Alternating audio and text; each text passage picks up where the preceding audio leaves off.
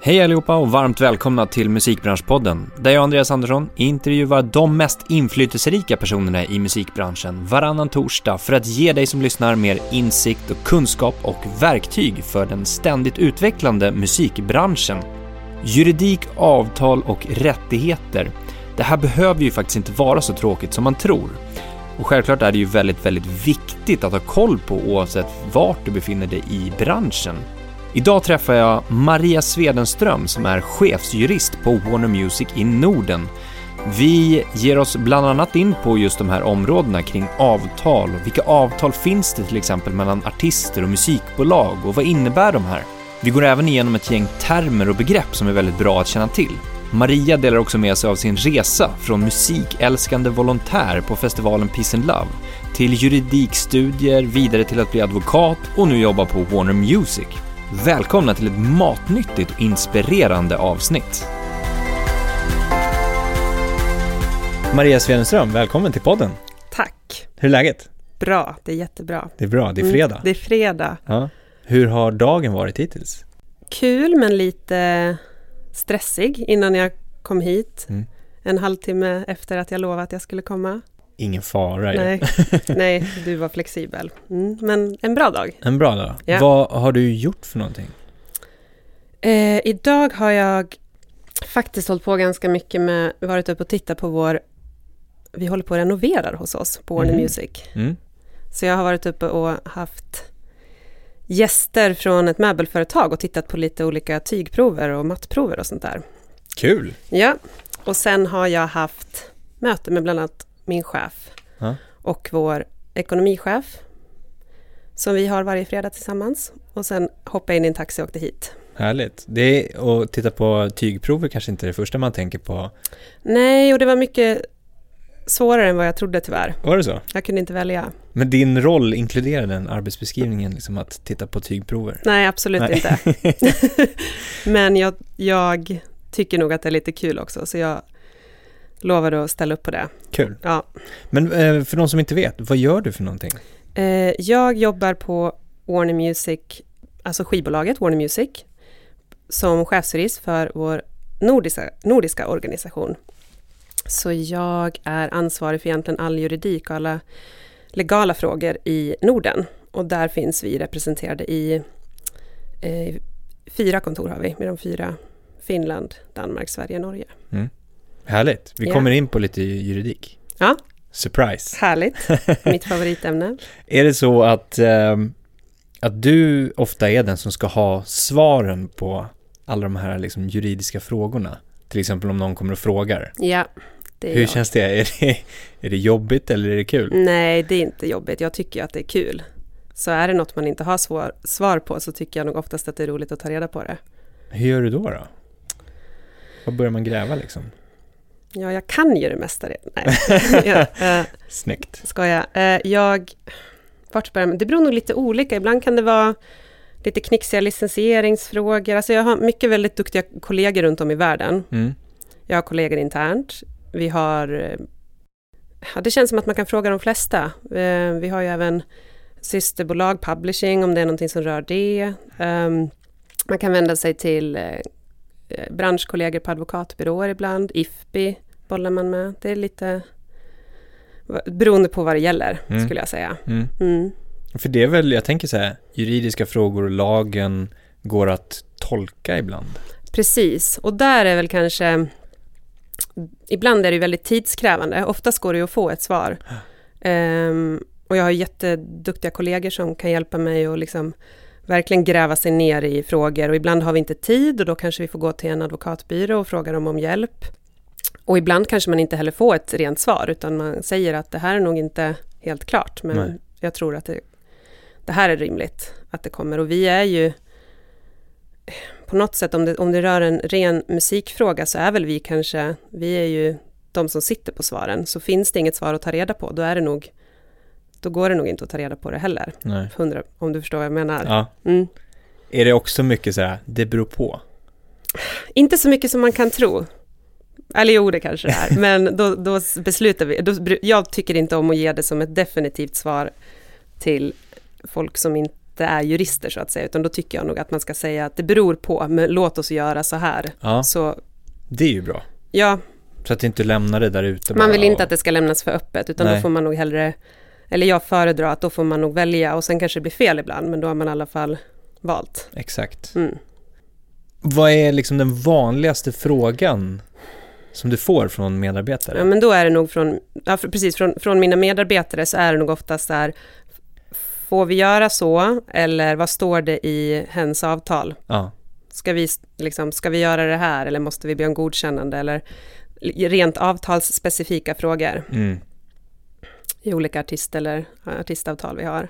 Och då gäller det bara att börja gräva de avtalen. Ja, eller ofta så har vi ju, vi har ju skriftliga sammanfattningar eller liksom går relativt snabbt att ta reda på så. Så Mm. det, eller så, ibland tror jag faktiskt till och med att vi, vi kan det by heart, för Mm. att vi tittar i dem i så ofta. Vad är det absolut roligaste med ditt jobb då? Oj, vilken bra fråga. Jag tror att det är att man får jobba med musikmänniskor, om man säger så, den här kreativa miljön. Och jag tycker att det är fantastiskt kul att jobba med människor som kanske fördomsfullt eller nidbilden av är så tvärt emot oss jurister. Jag tycker att det är en väldigt rolig blandning. Mm. Och kunna hjälpa jag tror att of, ofta så tycker nog, om man säger de kreativa människorna som man jobbar mycket med, tycker nog kanske att juridik är väldigt svårt, Mm. eller väldigt tråkigt, eller en blandning. Och då tycker jag att det är kul att kunna liksom hjälpa det, för folk blir väldigt tacksamma då, Mm.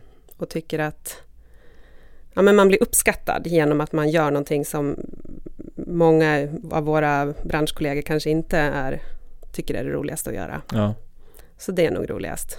Är det, blir det så också att de som du hjälper uppskattar det, eller ser vikten av liksom de här juridiska frågorna, eller vikten av att kunna upphovsrätten till exempel? Och, Ja, men det upplever jag absolut. Ja. Verkligen. Och jag, jag inbill, nu, nu säger jag någonting jag egentligen inte kan någonting om, men jag inbillar mig att vi kanske får jurister i musikbranschen eller andra kreativa branscher får mer uppskattning än jurister i branscher där, där folk är lite mer intresserade av juridik, för då tycker Mm. de nog kanske så att men det där var väl inte så svårt, eller det där ska man kunna, medan jag upplever att vi får ganska mycket uppskattning för att folk inte helst tycker, tycker att det är så kul eller tycker att det är så svårt, så de har, de, då blir de så himla glada att man Ja. kan hjälpa dem, så Ja. att säga.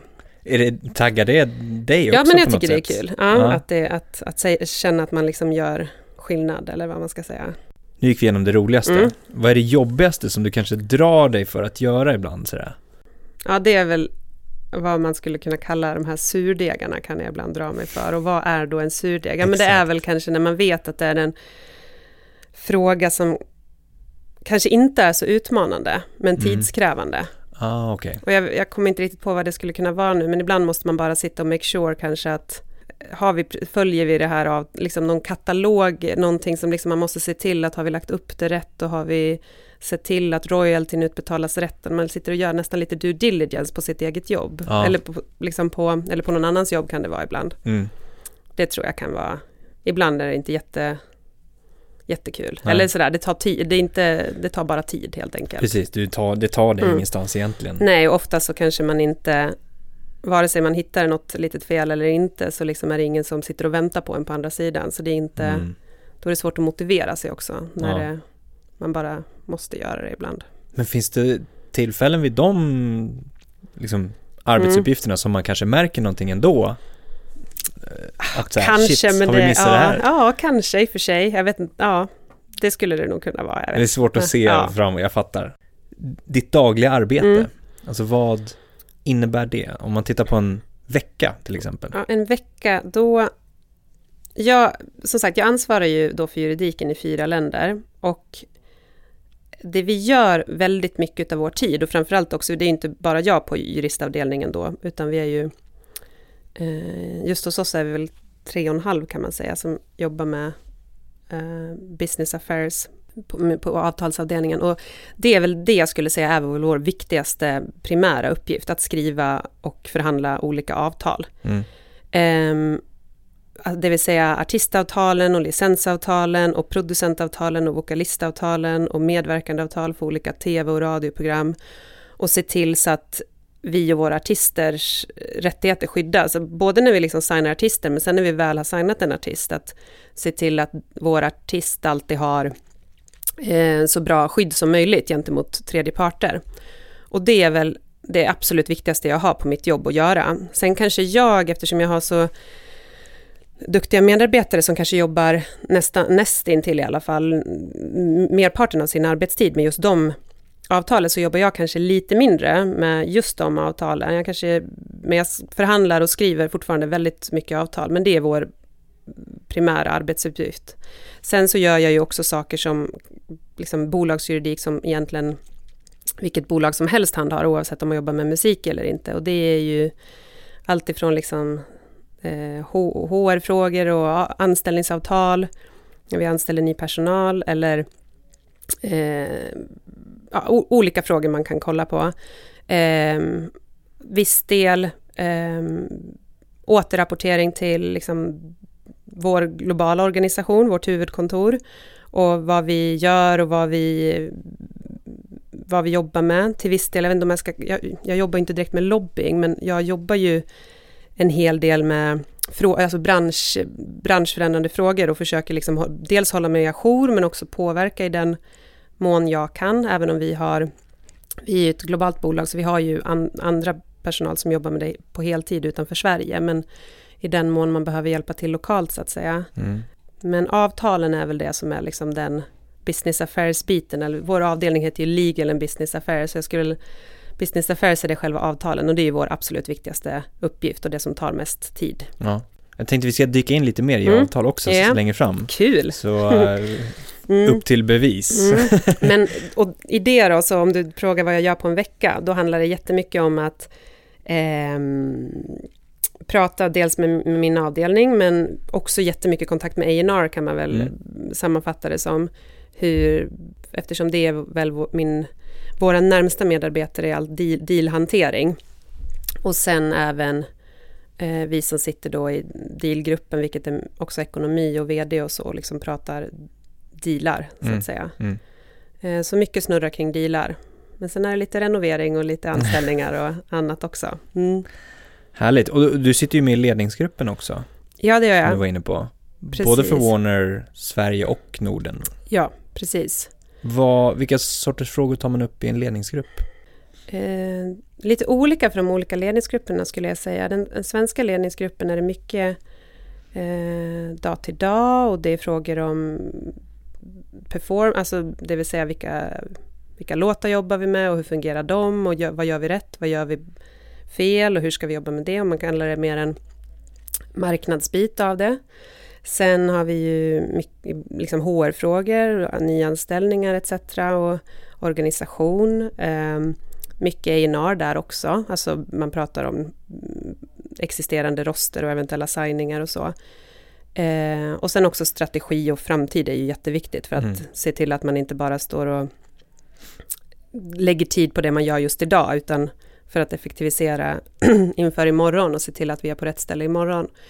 Medan den nordiska ledningsgruppen är väl egentligen det, fast ännu mer. Där är det egentligen bara strategi och är vi på väg åt rätt håll och vad gör vi eh, rätt i ett land medan vi kanske ska bli bättre på ett annat och mm. mycket mer eh, liksom paraply eh, view eller vad man ska säga. Ja. Mm. Rapporterar ni också till då Warner globalt? Ja, men det kan, precis. Vi har ju en nordisk VD då, Jonas Siljemark, eh, som är ansvarig för alla fyra länder, som i sin tur då går upp till Warner globalt. Så det gör vi ju alla indirekt kan man säga, alla vi andra också.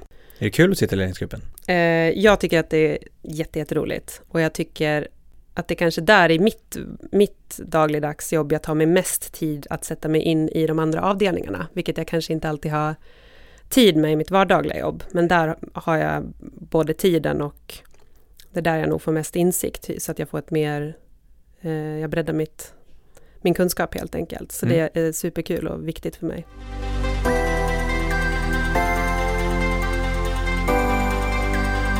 Jag tänkte vi ska gå in lite på din bakgrund också, var du mm. kommer ifrån och sådär. Men innan, mm. hur kommer det sig när vi, vi stannar kvar på Warner, hur mm. kommer det sig att det blev just Warner? Mm, bra. Eh, det är ju väldigt enkelt. Det var helt enkelt för att det var där jag blev erbjuden ett... Eller... så här, praktiskt sett så var det där jag blev erbjuden ett jobb, men det ja. var inte så konstigt egentligen, för jag var på en advokatbyrå innan, där jag jobbade hade Warner som klient och en väldigt nära klient. Um, och om vi också ska gå tillbaka till vad jag har gjort innan, vilket vi kanske ska göra sen, så har jag ju faktiskt jobbat på Warner förut, innan jag är på Warner idag. Precis. Ja. Det blir lite krångligt, ja, men vi, exakt. vi, ska, vi ska backa där Ja. ändå liksom. Eh, vi gör det på en gång tycker jag. Ja, Ska vi, vi, vi börja med musiken. ja. Hur, hur kommer den in liksom i bilden hos dig? ja men så här, om man går jättelångt tillbaka så är ju jag, jag var ju jag är från Borlänge och där jag blev jättemusikintresserad, jag vet inte, kanske vid högstadiet någon gång, alltså lyssna på musik. Jag har egentligen aldrig spelat seriöst, utan lyssna på musik, alla, alla mina pengar på CD-skivor som jag köpte på Folk och Rock och liksom lyssnade och gick på konserter och så i Borlänge. Och sen så, när jag, så kom ju Peace and Love till Borlänge, festivalen, och under flera år var ju den Sveriges största festival, eller några år, och då, då var jag volontär där och tyckte liksom att, att det var hur kul som helst. Eh, med, med just festival och, och lyssna på musik så. Och sen så, då, när jag flyttade till Stockholm, började jag plugga juridik, det hade egentligen inget med musik att göra. Eh, tyckte att det var jättekul med, med, med att jag valde rätt studier helt enkelt. Sen på termin tre, då, satt, då sökte de en juristassistent, tror jag de kallar det, på Warner Music, alltså timanställd eh, vid sidan om studierna. Och då bara trillade de polett ner, så här, va? Går det att jobba med musik som, som jurist? Det låter ju helt sjukt. Och då bara slog de, för innan det hade inte jag något inställt mål. Det var egentligen plugget i sig som var målet, att bara orka göra klart det. Hur kommer det sig att det blev eh, juridik från första början då? Alltså, någon halv slump. Jag, jag visste att jag ville bo i Stockholm, för Ja. jag, ville inte, jag tyckte om Stockholm så mycket. Och så sökte jag, jag eh, juridik, för jag tyckte det var intressant, så sökte jag ekonomi i andra hand och jag hade nog också jag tror nästan att jag hade varit lika glad i ekonomi. Alltså det var, ingen, det var lite mer, jag ville plugga något teoretiskt. Mm. För jag fallenhet för teori snarare än liksom, det kreativa, eller vad man ska säga. Eh, och så blev juridik, jag trivdes bra, fick bra kompisar och tyckte skolan var liksom kul. Så det var en slump som, som artade sig bra, kan man säga. Eh, men sen när, när jag såg den där annonsen, då, kände, då hade jag målet 100% inställt. Att det var musikjuridik jag skulle jobba med. Mm. Sen fick jag den här assistenttjänsten. Så då började jag jobba på eh, Warner Music för en, en eh, tjej som var jurist där då, som hennes liksom, timvikarie eller vad man ska säga, och hjälpte henne med all administration och, och jag tyckte att det var, igen då, hur kul som helst. Jag, jag såg ju att det var ju hennes jobb. Jag, liksom, det var ju jätteroligt. Det verkade jättekul att få liksom, jobba med det här heltid. Och sen efter några, jag var väl där i ett par år kanske. Och då, jag vet inte riktigt vad som kom först, men eh, då fick jag ju nys på Bird and Bird då, som är, eh, eller hade, för de har faktiskt hoppat av och startat sin egen byrå nu, men ett par jurister där som hade liksom en musik, en hel musikavdelning på en stor internationell affärsbyrå. Mm. Och då vart det ju bara, det där vill ju jag jobba, eh, när, jag, när jag har tagit examen. Ehm, Vad var det som lockade med det snarare än... För då hade du ju ändå smakat på att jobba på ett musikbolag. Ja, nej, men jag tror att jag ville... Ja, men jag tror att jag hade kunnat tänkt mig både och, men det där såg himla... Eh, också att få den här lite så här skolan kanske Mm. på något sätt. Att eh, ändå kul att kunna kombinera...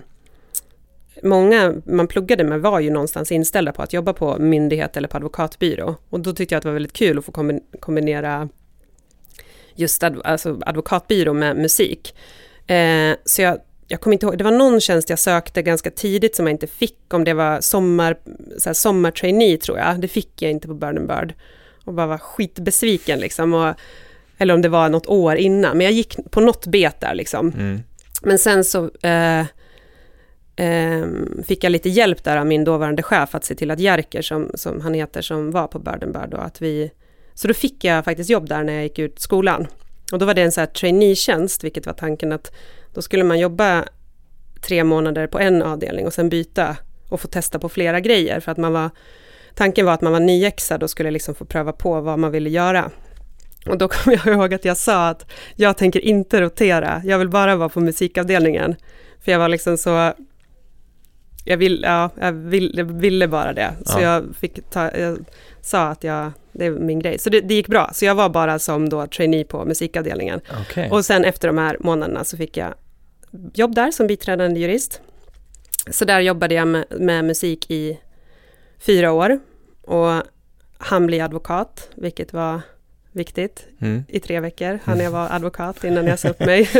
Men jag gjorde det i alla fall. Och vad, vad, betyder det då för de som inte riktigt vet? Jo, men då betyder det att ehm, efter man har jobbat x antal år som biträdande jurist på advokatbyrå kan man genomgå en del kurser och ehm, tester och därefter få ansöka om inträde till advokatsamfundet.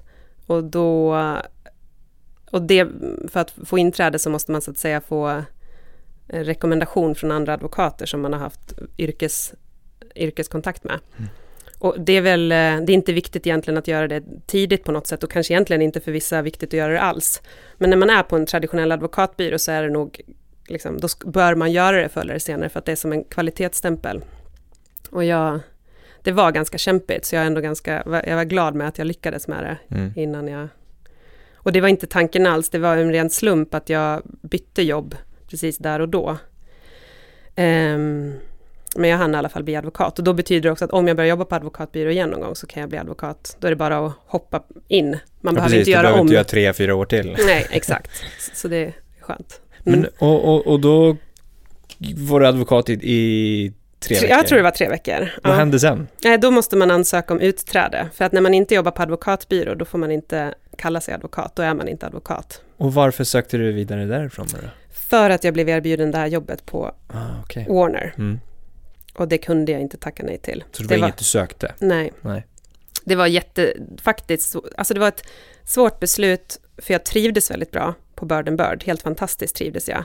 Men på något sätt var det mitt drömjobb som jag liksom hade satsat på och jag kunde inte tacka nej. Jag, det var alldeles för bra för att vara sant, Mm. eller så. Så jag, det gick. Och det är fortfarande så idag att jag fortfarande ser tillbaka på liksom Bird and Bird-tiden som, ja, det var, jag, jag tycker att det var helt, alltså det var tråkigt att säga upp sig Mm, än idag. mm, mm. Men jag har inte ångrat det. Men det var en nyttig skola? För ja, att komma gud, dit alltså, du är a- nu? Absolut, det var bra på alla sätt och vis. Tror du att du hade tagit dig dit du är nu utan? Nej, det de tror jag åren? inte. Jag, jag tror att man kan ta, det är ju, jag menar, man kan, man kan nog komma dit jag är idag på, eh, på alla möjliga sätt och vis. Men jag tror att min res, alltså, jag, jag tror att för mig var den här skolan nödvändig. Det var fyra år på Bird and Bird som var ganska intensiva och ganska ehm, det var en, alltså en riktig skola. Man blev, man blev väldigt tränad så att säga. Eller väldigt, man, jag tror att jag fick mycket kunskap på kort tid om man säger så. Mm. Eh, Så för mig var det nyttigt att ha en så mycket kunskap som möjligt när jag ändå klev på en ganska seniortjänst tidigt. Mm. Så är jag glad för att jag hade den skolan. Och, eh, även om jag tror att man kan göra samma resa på andra sätt. Så, Mm. ja. Men det, jag tror att det är mm, nyttigt för många att höra. Mm. Att, att man kan hoppa. Att du Ja. kan utvecklas, att du bör utvecklas kanske också till och med. Mm. Att man bör se sina arbetsplatser som liksom någonting utvecklande, att omge sig med utmaningar, med smarta personer, med liksom saker som kan ta dig någonstans. ja, absolut. Eh, och Mm. inte bara liksom försöka klättra nästa steg Nej. på samma ställe. Nej, just det. Nej. Eh, självklart går ju att liksom båda resorna, men att Mm. du kan lära dig väldigt mycket. Ja, och sen så tror jag också att det oftast, att man ibland, jag är i alla fall en sån person som kan fundera över beslut väldigt mycket. Och det tror jag är rätt, jag behöver fundera. Mm. Men jag tror också att andra, om man skulle välja ett annat beslut så tror jag oftast att det blir bra i slutet ändå. Mm. Jag är ganska duktig på att vara ängslig över att välja fel, men jag tror aldrig man kan göra det, för jag tror det blir bra ändå. Ältar du fram och tillbaka lite Ja. sådär. Jättemycket. Men till slut så väljer du rätt. Ja.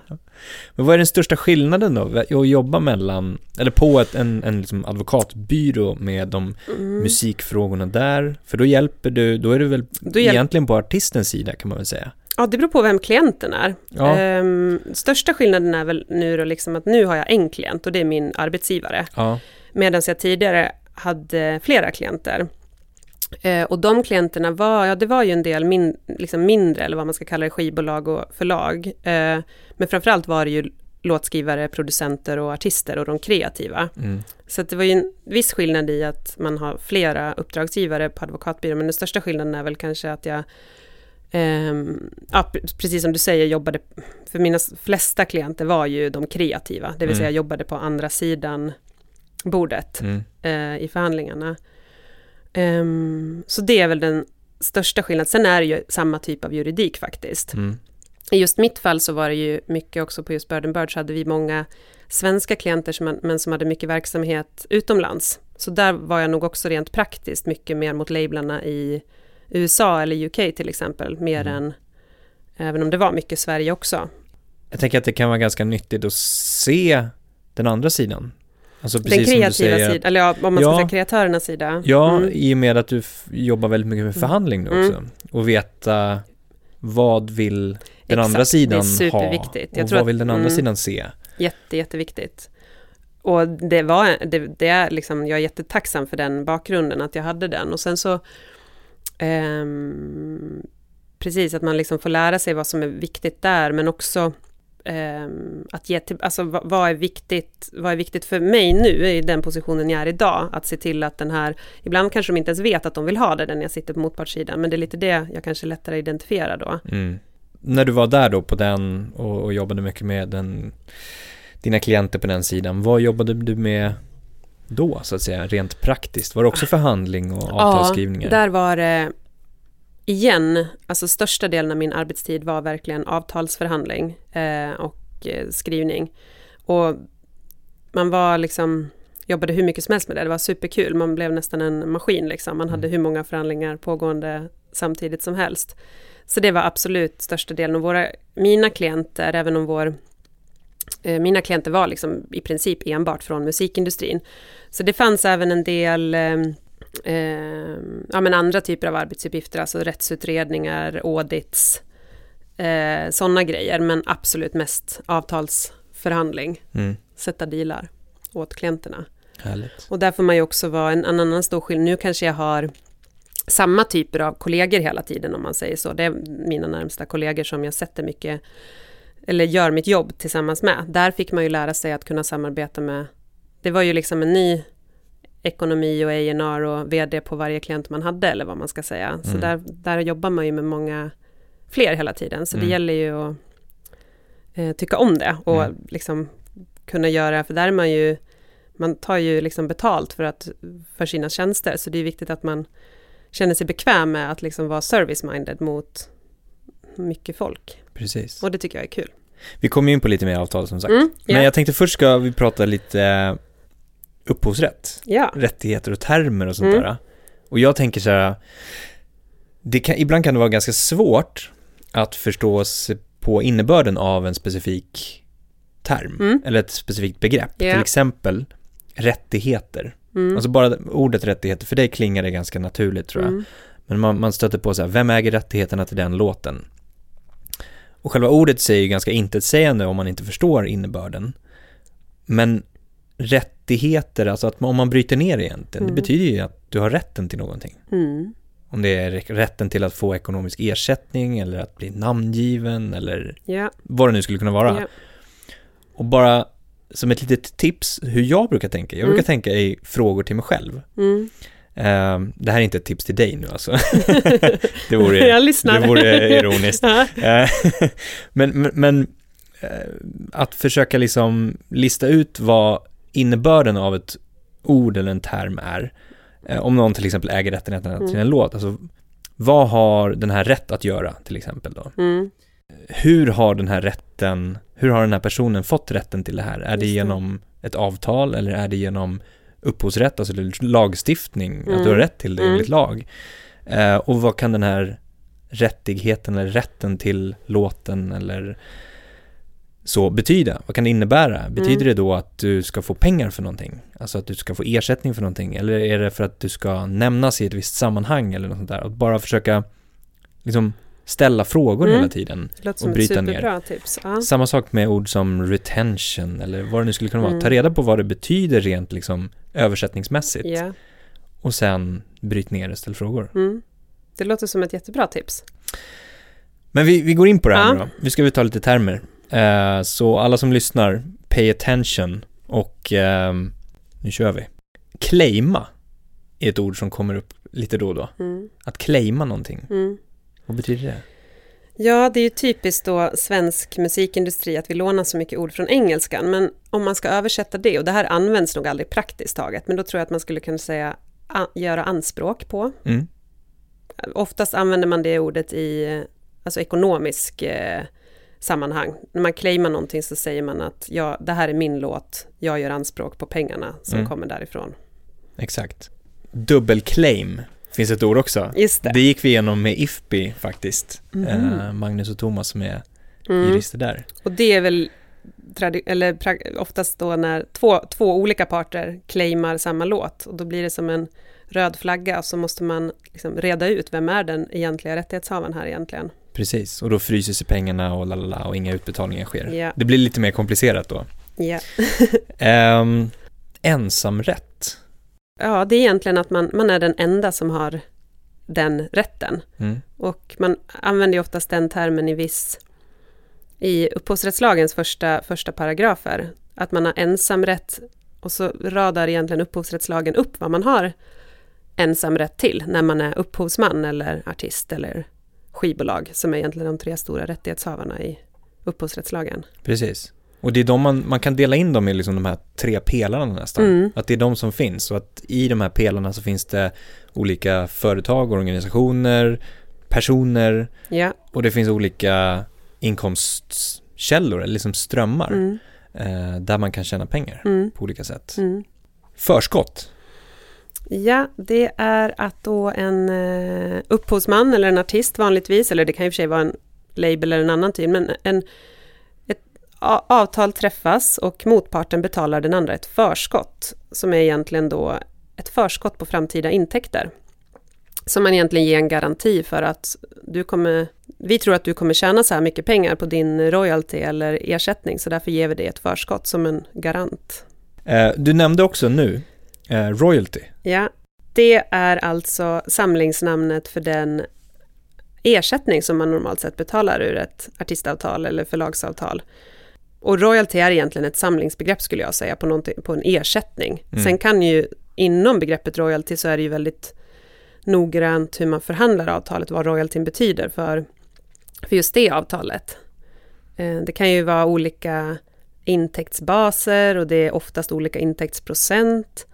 Delar man kostnader? Ja, royaltyn blir helt individuell beroende på avtal. Ja. Men royalty är då alltså samlingsnamnet på det. Det finns något som heter ideell rätt också. Mm. Det är alltså motsatt, eller egentligen det finns två ty- samlingsnamn för rättigheter. Det är ekonomisk rätt eller ideell rätt.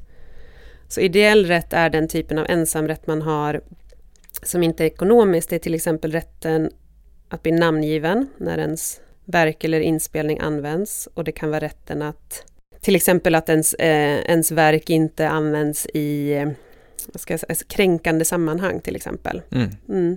Och sen den andra ekonomiska rätten då, som vi tar samtidigt. Det är då den, eh, den ensamrätten att få ersättningen för ens låt. Precis. Ja. När den används till exempel. Exakt. Licensiering. Det är alltså när det finns en part som äger ett verk som licensierar, låt, lånar ut verket till någon annan så att den sköter exploateringen.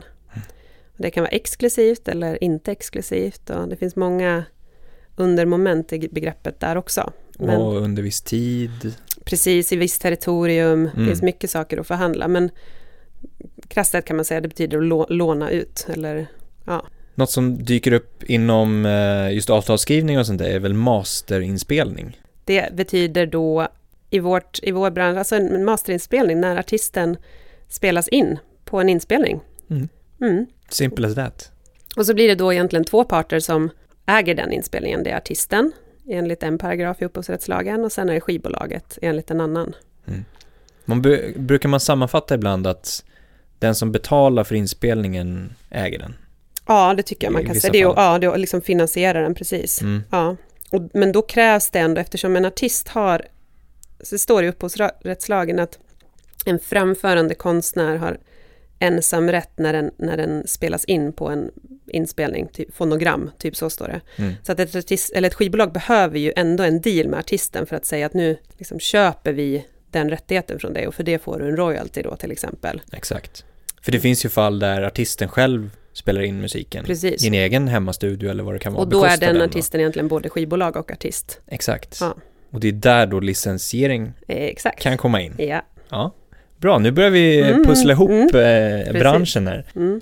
Mekanisk licens. Mm. Också så här tänker man, vad då mekanik?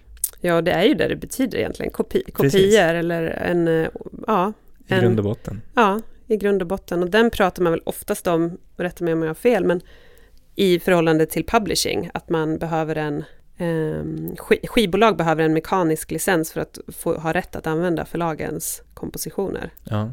och kunna å, i, återge kopior. Ja.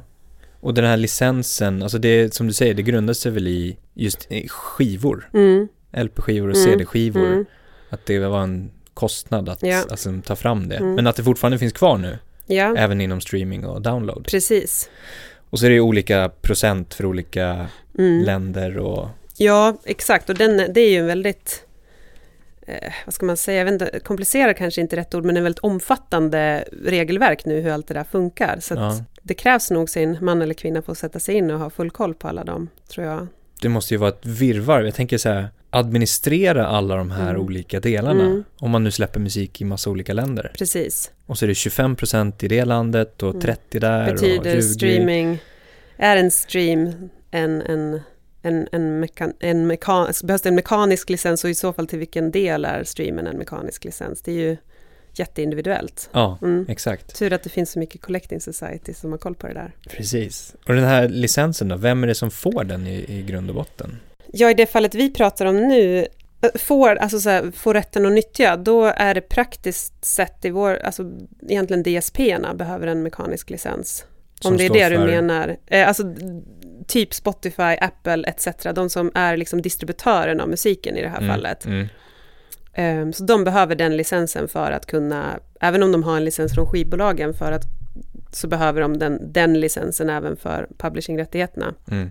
Medan det, eh, om vi tittar tillbaka på hur det funkar i Sverige när man eller som säljer fysiska skivor, så förvärvar skivbolagen den direkt. Just det.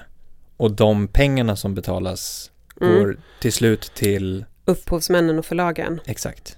Bra, det var mekanisk licens, lite krångligare, Ja, men är- ehm, närstående rättigheter finns det något som heter också. Mm, och det är egentligen vad man sammanfattar. Det finns egentligen två begrepp för närstående rättighet, men man kan säga att ett är vad man sammanfattar artisterna och skivbolagen. Egentligen är det ju bara upphovsmännen och förlag, alltså verket, eh, kompositionen. Det är egentligen den egentliga upphovsrätten. Och inspelningen som sådan, det är en närstående rättighet som tillkom senare för att det var en den är ekonomiskt skyddad, en Mm. ekonomisk upphovsrätt. Så det kallar man närstående rättigheter. Och eh, när vi ändå pratade på royalty och sånt Mm. där så har vi ett annat som heter recoupable, Mm. eller recoupa. Mm, just det. och det betyder egentligen att när man har fått ett förskott så ska det då sen recoupas, eller avräknas mot den framtida royaltyn. Vi pratade ju om att man får ett förskott för att det är som en garanti eller en på, på framtida intäkter. Och då när det väl kommer sen intäkter, då ska det liksom avräknas mot förskottet. Så att det blir, man får egentligen inga royalties förrän man har tjänat in royalties motsvarande det man faktiskt fick i förskott tidigare. Exakt. Och sen finns det även moment i vissa avtal som är recoupable och då behöver det inte vara ett direkt förskott men det kanske är så här ehm, man får eh, ett annat bidrag, kanske för ett resebidrag skulle till exempel kunna vara recoupable. Sista Ja. tar vi synkronisering. ja, det är egentligen att sätta ihop bild och musik. Mm. Eller rörlig bild är det väl oftast. Man kopplar ihop det och det krävs en licens för, för att man ska kunna använda det i film eller tv, Mm. reklamfilm. Bra, Mm. då redde vi ut ganska mycket tycker jag. Mm. Och vi, jag tänkte att vi, vi kommer eh, posta de här termerna och ganska många fler Bra, på vår hemsida tillsammans med en kortare förklaring. cool. Så ni som lyssnar kan ladda ner den som en pdf om ni vill på dmgeducation.se.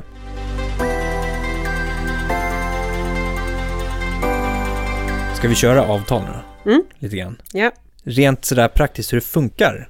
För dig är det ganska självklart tror jag. Mm. Men om vi börjar med de här olika avtalstyperna. Du Mm. var inne lite grann på dem. Mm. Men vi, vi nämner en och så förklarar vi kort vad den betyder. Mm. Vad är det vanligaste? Ja, men det är väl hos oss då, alltså Mm. om vi inte tittar på förlagsbranschen, så Precis. är det artistavtal. Mm.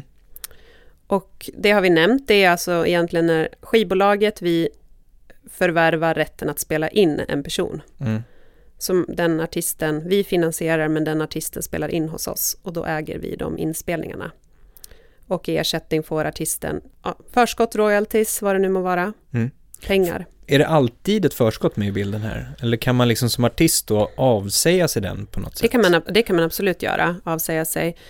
Jag skulle väl säga där, där vi befinner oss i så är det oftast Ja. ett förskott. Ja. Men eh, det är, ingen, det är ingen tvång. Nej. Härligt. Och sen har vi... Licensavtal kanske? Ja. Då är det alltså en annan än skivbolaget som äger inspelningarna och in, rätten att spela in artisten. Och det kan vara ett större eller mindre skivbolag och det kan i vissa fall vara artisten direkt. Mm. När, exemplet du nämnde, att en artist där liksom spelar in sig själv och finansierar sina egna inspelningar. Och då förvärvar vi skivbolaget en exklusiv rätt att sälja och exploatera de inspelningarna i en viss tid, viss territorium etc. etc. Men det är alltså inte vi, eh, Warner i mitt fall, som äger den inspelningen, utan det gör någon annan. Mm.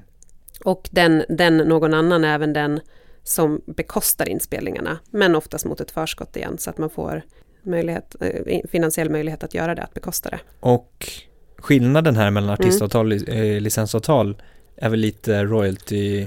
Ja, alltså tradi- också. traditionellt sett, alla avtal går ju, liksom är ju, men traditionellt sett så, det finns ju avtalsfrihet, va? så det finns ju ingen liksom satt regel, men i vår bransch så funkar det så oftast att i ett artistavtal är det skivbolaget som tar hela den finansiella investeringen. Och då är royaltyn oftast lite lägre, medan i ett licens, licensavtal så är det ju då den andra parten som tar investeringen. Mm. Och då brukar oftast royaltyn bli lite högre, för de har en högre risk. Sen har vi distributionsavtal kanske? Mm. Det är alltså då en, en, någon, någon som äger inspelningen och som kommer och säger vill ni sälja den här åt mig? Och då, den traditionella distributionsavtalet innehåller egentligen bara den tjänsten, sälj. Sen kan man lägga på kanske radio eller PR eller liksom betala extra för något annat man vill ha ut av skivbolaget. Men Mm. egentligen grundbulten är bara en distribution. Mm. Och då är ju royaltyn då, man kallar det egentligen knappt royalty, man brukar säga att skivbolaget, alltså Warner i det här fallet, tar en distributionsfee.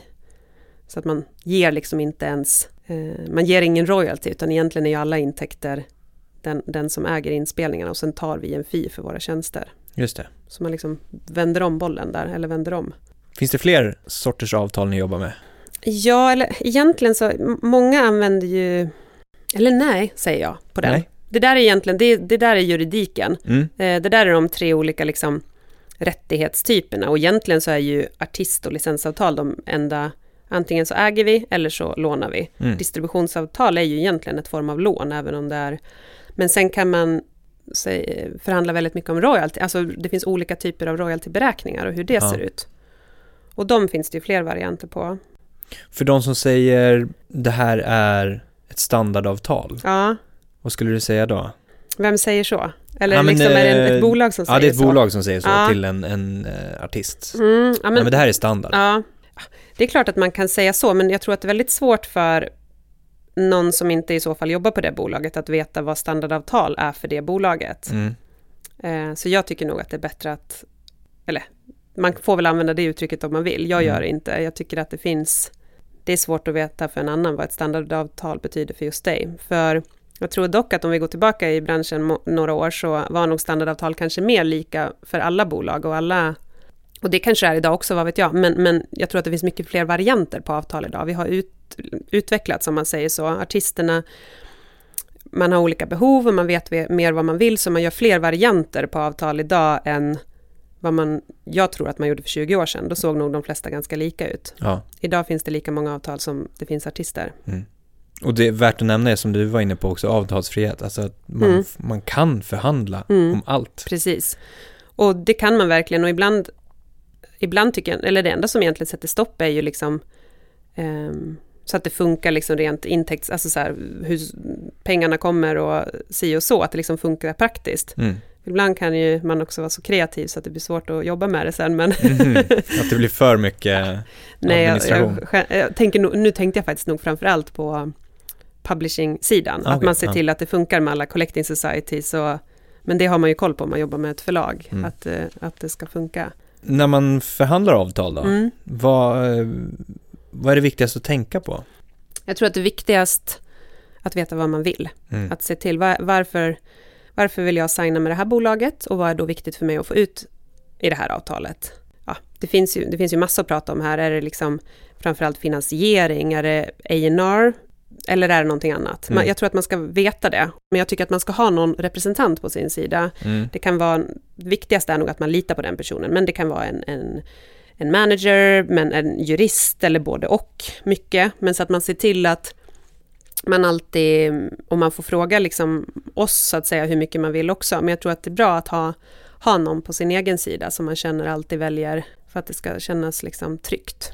Om man nu är artist då Mm. på den sidan och, Mm. och känner att så här, jag behöver juridisk hjälp Mm. på något sätt. Jag Mm. har själv fått massa sådana mejl. Har du Mm. tips på någon som kan hjälpa mig och liknande? Vart kan man vända sig då? Ja, men då brukar jag alltid lista liksom tre, fyra namn på liksom, etablerade musikjurister i, i, i, vår bransch. Så, får man, så tycker jag att det är viktigt att man får ringa runt lite själv och kanske höra, för om man inte känner någon, då tror jag att det är bra att man ringer kanske alla på den där listan och känner av lite, vem var, vem var skön, var hon, Exakt. var hon, verkar hon härlig eller var han skarp? Lite så att man får lite personkemi, eller Ja. träffa de juristerna också. Ja.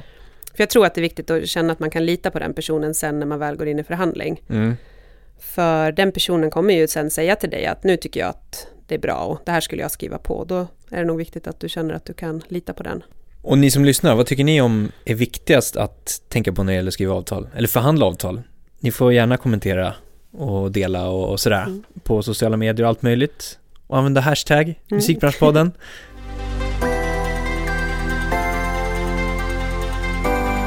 Om man går in på sådär missar Mm. som kanske artister, du har vi sett från båda sidorna som vi var inne på. Mm. Missar som artister gör i avtalsförhandlingar eller avtalsskrivningar. Ja men det var nog kanske det jag precis gick igenom. Alltså jag tycker nog aldrig att det blir alltså, förödande missar. Nej. För har det blivit något missförstånd så löser vi oftast det. Ni sitter inte och bara haha, nu Nej, missade de, Nej, nu tjänar vi multum det på det kan här. man ju kanske Liksom, det kan man ju göra om man vill. Vi gör ju aldrig det för att då funkar inte relationen och det Exakt. kommer inte gå att spela in någon skiva. Det kommer liksom inte bli bra. Så då Mm. måste man ju se till att, att man ändrar och löser det. Så att det blir aldrig liksom en katastrof av ett missförstånd. Men jag tror väl att det är precis det jag gick, att man, dels att man ser till att man förstår och Mm. antingen genom att fråga mig eller fråga sitt eget ombud, manager eller jurist. Eller liksom, och det finns inga dumma frågor. Jag tycker Nej. man ska ställa alla frågor och man kan rita och räkna och liksom fråga om exempel och hålla på. Eh, så att man verkligen förstår. Men det är väl annars, när det, kan, det kanske ibland går lite fort om man tänker att till exempel ett traditionellt licensavtal, då är det ju den som, licensgivaren som äger inspelningen som ser till att det ska finnas avtal med alla producenter och att mastern blir mastrad och levererad i rätt tid och att det finns ISRC-kod etc. etc. Och det är väl kanske sånt där klassiskt misstag som man gör när man, många tänker så här, ah, jag, vill, jag vill äga min egen master, jag gör en Mm. licensstil. Och sen inser man inte hur otroligt mycket jobb och ansvar det är att faktiskt äga mastern. Och då kan man behöva, och så kanske man inte har någon som hjälper en med det. Och så Just kanske det. man inte tycker att det är så kul själv, eller man har inte kunskap eller tid, eller... Och då, det är väl en sån där äh, som man ibland märker Missar sen. lite. Ja. Mm. Härligt, bra sammanfattat med Mm. avtalen tycker jag och termerna. Bra. Du var inne på det lite själv, den här frågan. Mm. Hinner man reflektera något kring liksom utvecklingen av branschen när man är mitt uppe i någonting och det kanske är mycket jobb och sånt där? Hinner du titta på vad som är trender eller liknande? Det är väldigt lätt att inte hinna med, för Mm. att man har så himla mycket jobb. Så att, men jag tycker ju att det är en av mina viktigaste arbetsuppgifter. Att se till att jag har koll på vad som händer och att, jag, att vi är med i det. Mm.